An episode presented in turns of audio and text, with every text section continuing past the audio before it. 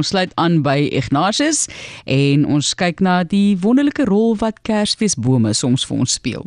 Ja, Bartlies in Lancaster, Engeland, kom vrywilligers jaarliks bymekaar om naby Blackpool duisende Kersbome in die sand by die strand te begrawe. Nou, Februarie is seker 'n goeie tyd om jou nuwejaarsvoornemens te begrawe met 'n ou Kersboom om die goeie bedoelings se graf te merk. Dit is ook so halfpad tussen Kersfees en Paasfees. Die bome word tot by hulle onderste takke in die sand begrawe. Soos die sand van die see se kant af waai, waai dit in die takke vas en begin dit duine vorm. 'n Proses wat die natuur honderde jare sou neem gebeur nou so tussen 6 en binne maande en 'n jaar se tyd.